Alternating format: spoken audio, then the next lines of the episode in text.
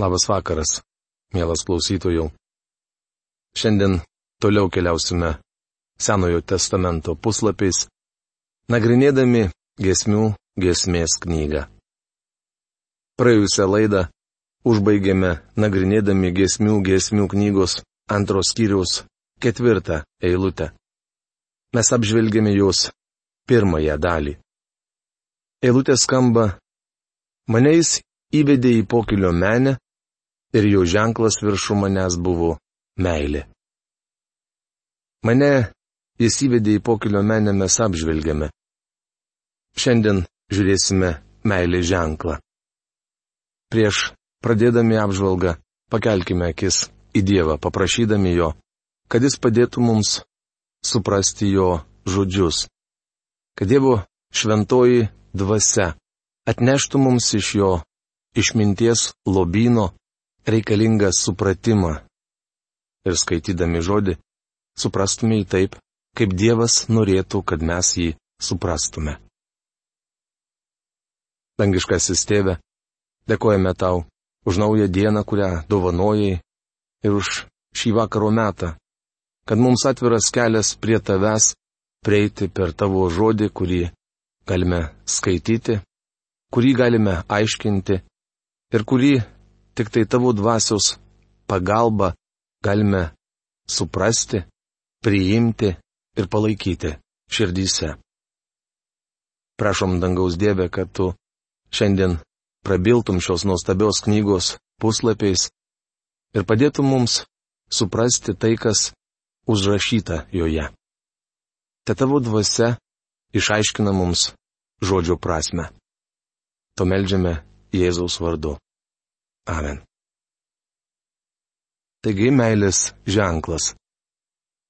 Mane jis įvedė į pokilio menę ir jo ženklas viršų manęs buvo meilė. Kostas burbulys šią eilutę verčia taip. Jis atvedė mane į puotos namus, jo vėliava virš manęs - meilė. Ši vėliava virš mūsų tebe plevėsuoja ir šiandien. Anais laikais vėliava buvo daugiareikšmis simbolis. Manau, kad sakydama, jo vėliava virš manęs meilė, nuotaka turi omenyje daugelį skirtingų šio simbolio reikšmių. Kariuomenės vėliava visuomet reiškia pergalę. Norėčiau pasakyti, kad Dievo sūnus vis dar kariauja. Jis grumėsi dėl žmonių sielų. Prisimenu, kaip aš jam priešinausi.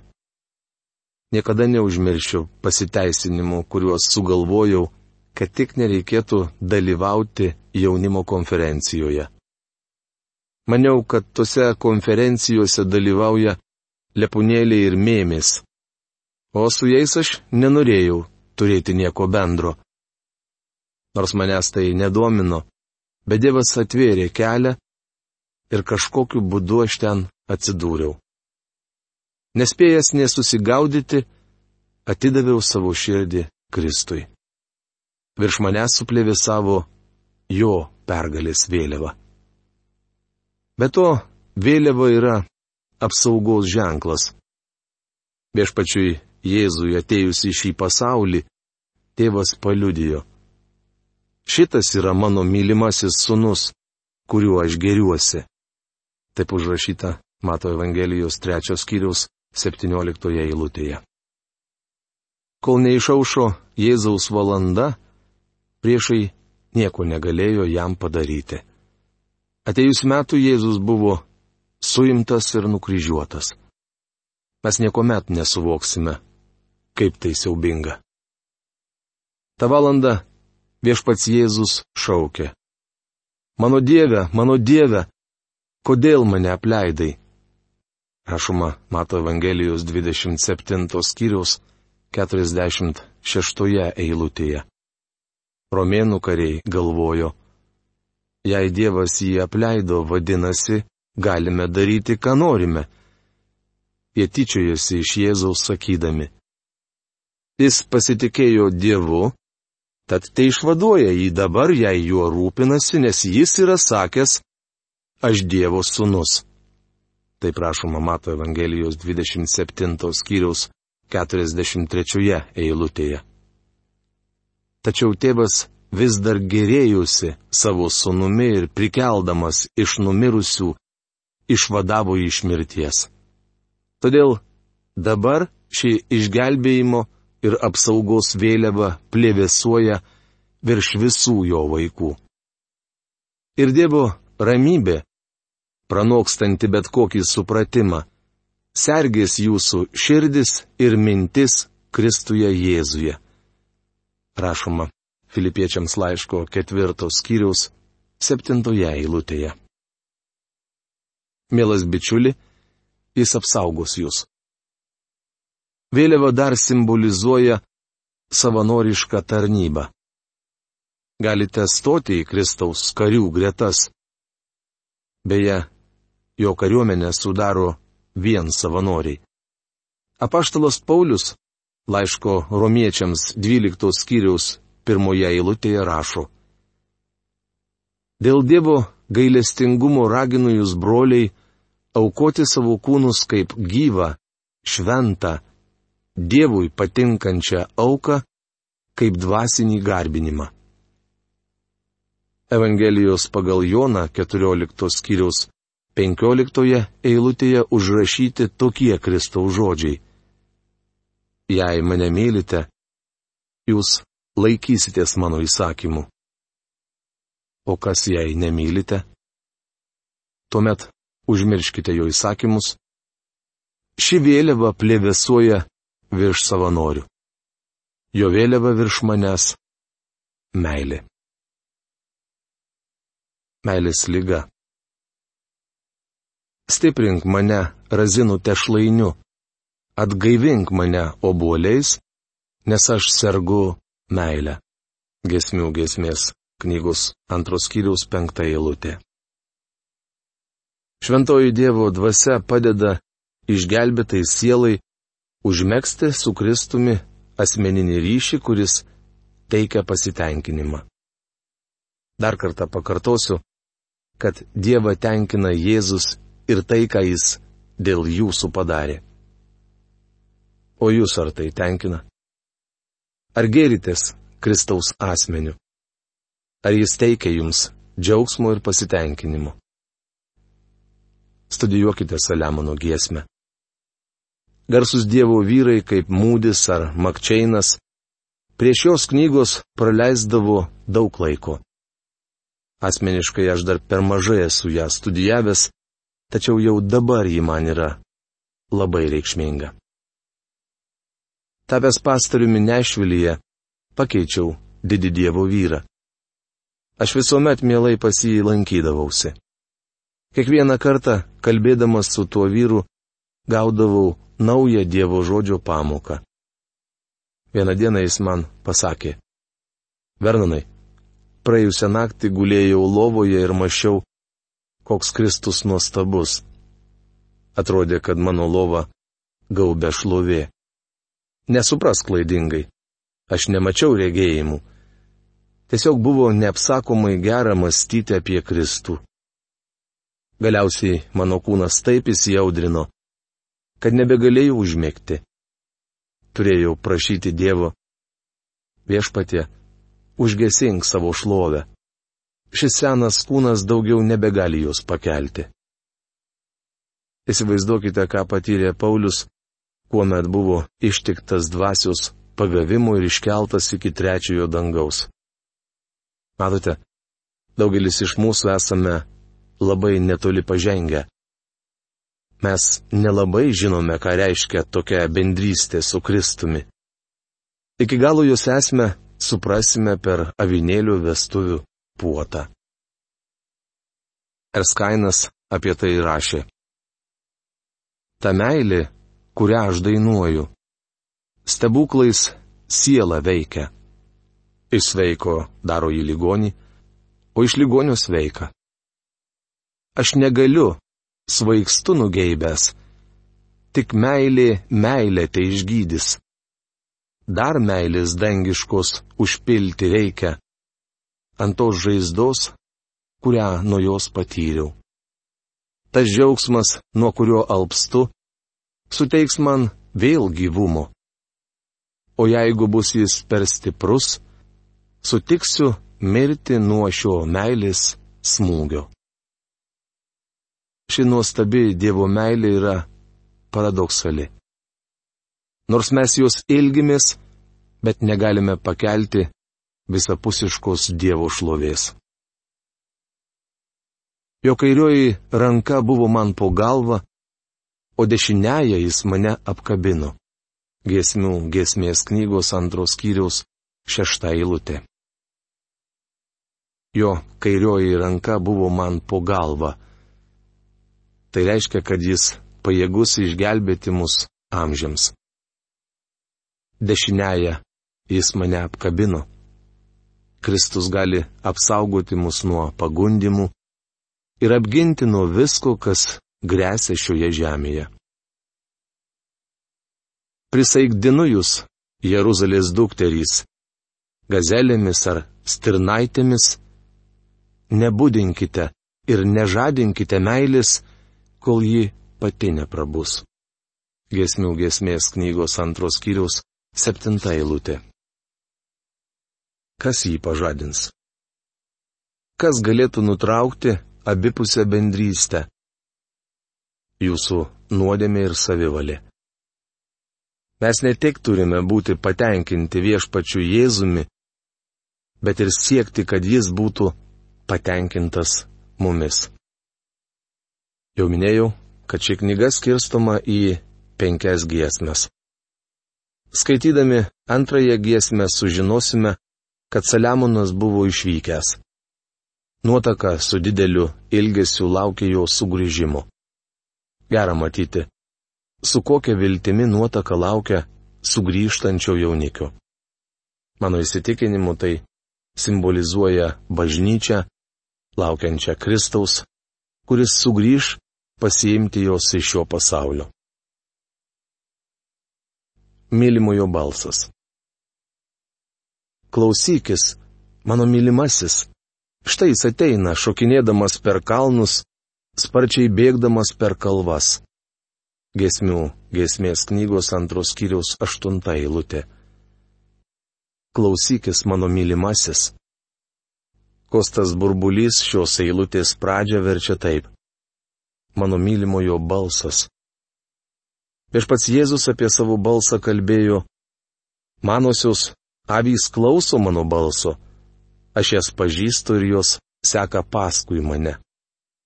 Aš jums duodu amžiną į gyvenimą. Jos nežus per amžius ir niekas jų neišplėš iš mano rankos.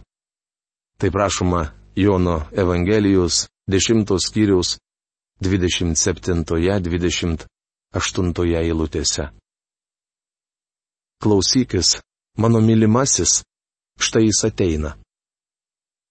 Ar kada susimastėte, kad tą akimirką, kai vyks bažnyčios paėmimas iš pasaulio, pasigirs Dievo Sūnaus balsas. Bažnyčia sudaro žmonės, patikėję viešpačių Jėzumi. Mes išgirdome apie jo mirtį, palaidojimą ir prisikėlimą ir įtikėjome jį. Klausome savo viešpatė šiandien Todėl, kai jis sugrįž, pažinsime jo balsą. Jėzus sakė, manosios avys klauso mano balso. Avys žino, kas jis. Komet bažnyčia bus paimta iš šio pasaulio, pats viešpats asmeniškai, su įsakymo šauksmu, su arkangelo balsu ir Dievo trimitu, nužengs iš dangaus. Tai prašoma pirmo laiško tesalonikiečiams ketvirtos skyrius šešioliktoje eilutėje. Profesoriaus Algirdo Jurieno Biblijos vertime. Tiek šauksmas, tiek balsas, tiek trimitas apibūdina jo balsą. Klausykis, mano mylimasis, štai jis ateina. Taigi skaitytoje giesmių giesmės eilutėje vaizdingai kalbama apie bažnyčios paėmimą iš pasaulio. Kai viešpats Jėzus ateis valdyti žemės, šios planetos gyventojai neišgirs jo balso. Tik išvys akinančią šlovę. Apie tai rašoma Evangelijos pagal Mata 24 skyriaus 30 eilutėje, taip vadinamame Alyvų kalno pamoksle. Tuomet danguje pasirodys žmogaus sunaus ženklas, o visos žemės tautos ims raudoti ir pamatys žmogaus sūnų ateinantį dangaus debesyse su didžia galybė ir šlove. Kaip jau minėjau, bažnyčios paėmimo metu pasigirs mylimojo balsas. Štai jis ateina, šokinėdamas per kalnus, sparčiai bėgdamas per kalvas. Kadangi šioje knygoje Dievas prabyla mums per giesmę, Kristaus ateimas aprašomas poetinė kalba. Biblijoje daug kalbama apie Jėzaus kojas. Prieš keletą metų buvau paruošęs pamokslų ciklą apie viešpatės Jėzaus Kristaus kūno narius. Kalbėjau apie ašarojančias Jėzaus akis, apie jo lūpas, rankas ir kojas. Jis davė man kaip stirnos kojas ir nuvedė į saugias aukštumas. Rašoma 18 psalmės 34 eilutėje. 22 psalmė vadinasi Ajelech Šanar. Išvertus tai reiškia ryto stirna. Joje vaizduojamas viešpats Jėzus Kristus liūdėsio diena. Tai yra jo kančia ir mirtis ant kryžiaus. Viešpats lyginamas su stirna, kurią visą naktį vyjusi šunys. Jie puldinėjo stirną norėdami ją sudraskyti. Šunys mane apgula iš visų pusių. Nedorėlių gauja mane apspinta. Jie žaidžia man rankas ir kojas. Rašoma 22 psalmės 17 eilutėje. Kai pateka saulė, stirna stovi ant kalno viršūnės. Ji išvaduota iš mirties gneuštų. Bičiuli, Kristus grįžta. Jis šokinėja per kalnus, sparčiai bėga per kalvas. Negaliu įsivaizduoti nuostabesnio ir poetiškesnio viešpatės Jėzaus sugrįžimo aprašymų. Man patinka Erskaino eilės. Kai pasitaikė nelauktai, jam kliūtis kelyje, jis stojosi ant jų tvirtai, lyg laiptais kopė per uolas. Kristus suklupimo akmenis pavertė atspirties akmenimis. Jis atvėrė mums kelią ir pats yra kelias. Sugryžtantis Kristus giesmių giesmėje lyginamas su sparčiai bėgančiu per kalnus, šokinėjančiu jaunu briedžiu. Jis vis artėja. Aš balsą mylimą girdžiu. Virš gėdos pylimų ir graužaties griovių Štai atšolioja jis su vėju, išlaisvint sielos iš kančių. Mielas klausytojų, jūs galite šitą vaizdą pasilikti savo atmintyje apie tai, ką rašo šventasis raštas. Jo Kristus, Jėzus atvėrė mums kelią ir pats yra kelias. Jok jisai šiandieną šoliuoja nuo kalvos ant kalvos ir netruks sugrįžti šitą žemę. Jūs girdėjote, kad bažnyčia bus paimta tada, kada jisai ateis. Mano klausimas jums, ar jūs priklausote Kristaus Jėzaus bažnyčiai? Ir ar jūs pažįstate jį kaip tą amžinai kelią, be kurio negalėsime matyti dangaus karalystės, negalėsime amžinai bendrauti su Dievu. Jeigu jūs to dar nepažįstate, arba nesuprantate, arba kuo nors abejojate, atsukite savo akis į šventą įraštą. Jeigu jūs norite surasti Kristų kaip tą kelią, tai jūs atrasti jį čia. Dievo žodis yra žibintas mūsų kojoms. ir šviesa mūsų takui. Taip sako psalmininkas. Apaštalų darbuose, ketvirtame skyriuje dvyliktoje eilutėje sakoma, jog po dangumi nėra kito vardo, per kurį galėtume būti išgelbėti kaip tik tai Jėzaus Kristaus vardas. Pas viešpas Jėzus Jono Evangelijoje liūdijo, kad jisai yra kelias, tiesa ir amžinasis gyvenimas. Jeigu norite ateiti pas Dievą, tai kito kelio jūs neturite. Tokia žinia šiandien. Iki greito susitikimo. Sudė.